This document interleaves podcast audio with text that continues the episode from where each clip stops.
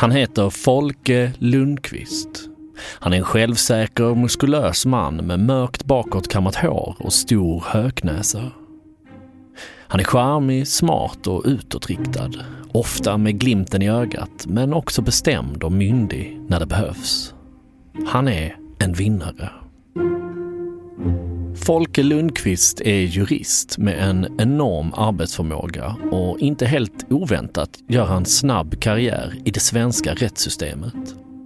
Med tiden blir han domare med placering i det mäktiga rådhuset i Stockholm. En högst respektabel arbetsplats på alla sätt, men också ett rätt så dystert ställe.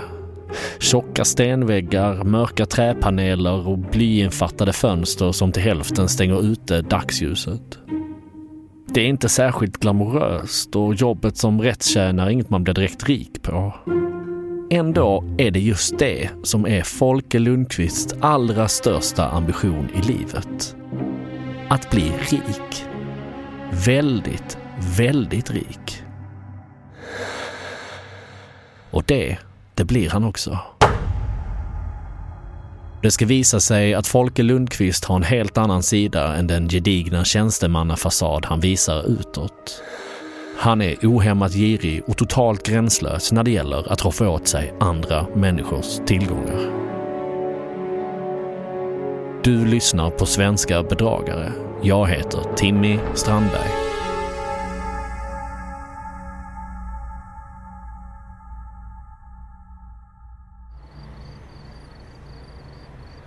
I en annan del av Stockholm, långt bort från rådhusets tjocka stenväggar. Den åldrade aristokraten och konstnären Gustav Unman är förtvivlad. Med ett utsvävande överklassliv och en rad misslyckade finansiella spekulationer bakom sig har han nu slösat bort stora delar av sitt mångmiljonarv och kraschat sitt äktenskap. Nu kräver dessutom exfrun Marianne att den slarviga Gustav Unman ska omyndigförklaras så att han inte ska slösa bort ännu mer av sitt enorma arv. Hon är rädd att det inte blir något kvar åt henne och barnen.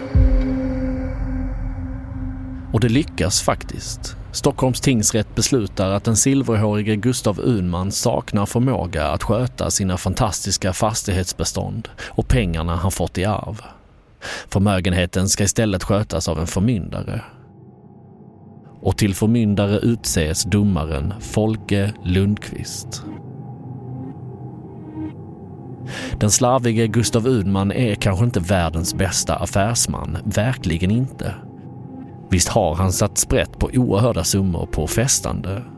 Men att han skulle vara så pass fullständigt oförmögen att ta hand om sig själv och sina affärer, det kan han bara inte acceptera. Men när Gustav Unman efter ett par år av juridisk kamp äntligen lyckas göra sig av med sin förmyndare Folke Lundqvist har han inget kvar av sin förmögenhet. Gustav Unman är nu djupt skuldsatt och fattig som en kyrkråtta. Så pass fattig att han tvingas lämna sin praktfulla våning i stan och flytta in i en sjabbig liten kolonistuga. Den som blivit rik istället är domaren Folke Lundqvist.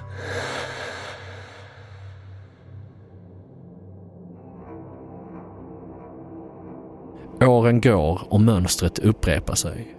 Människor med bristande sinne för ekonomi och som har svårt att klara sig själva får så kallad experthjälp av juristen och domaren Folke Lundqvist. Men det ska senare visa sig att de blir ruinerade för livet och Lundqvist blir ännu rikare.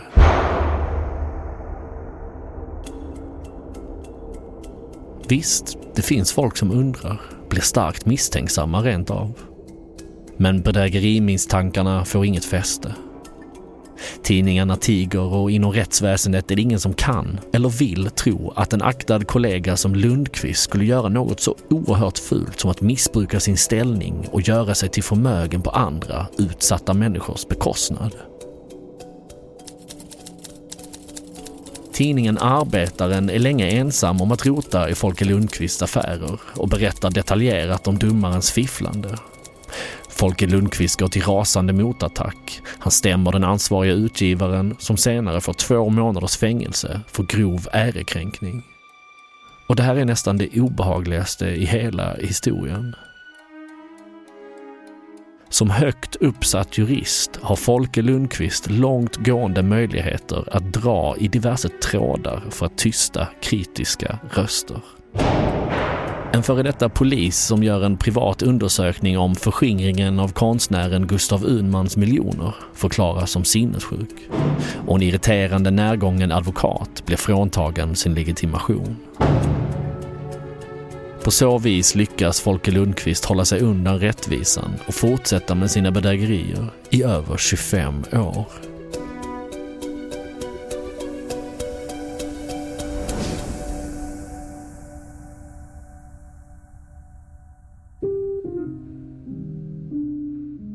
Först när den folkkäre författaren Vilhelm Moberg i sin kamp mot det svenska rättssystemet får upp ögonen för historien sker en verklig vändning.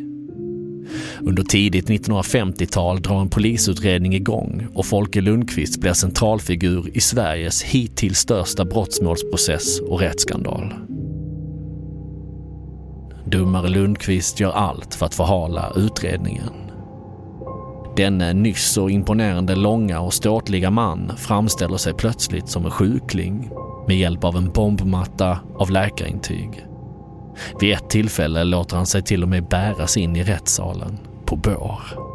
För att senare försöka få sig själv bli klassad som sinnessjuk.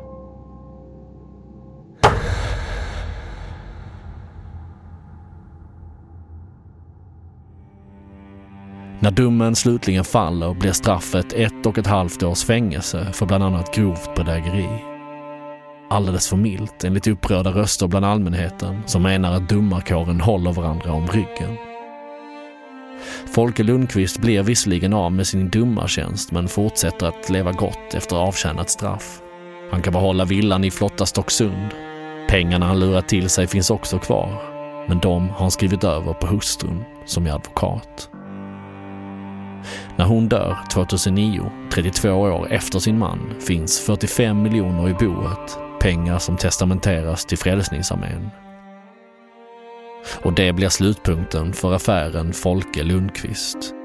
En av Sveriges största rättsskandaler.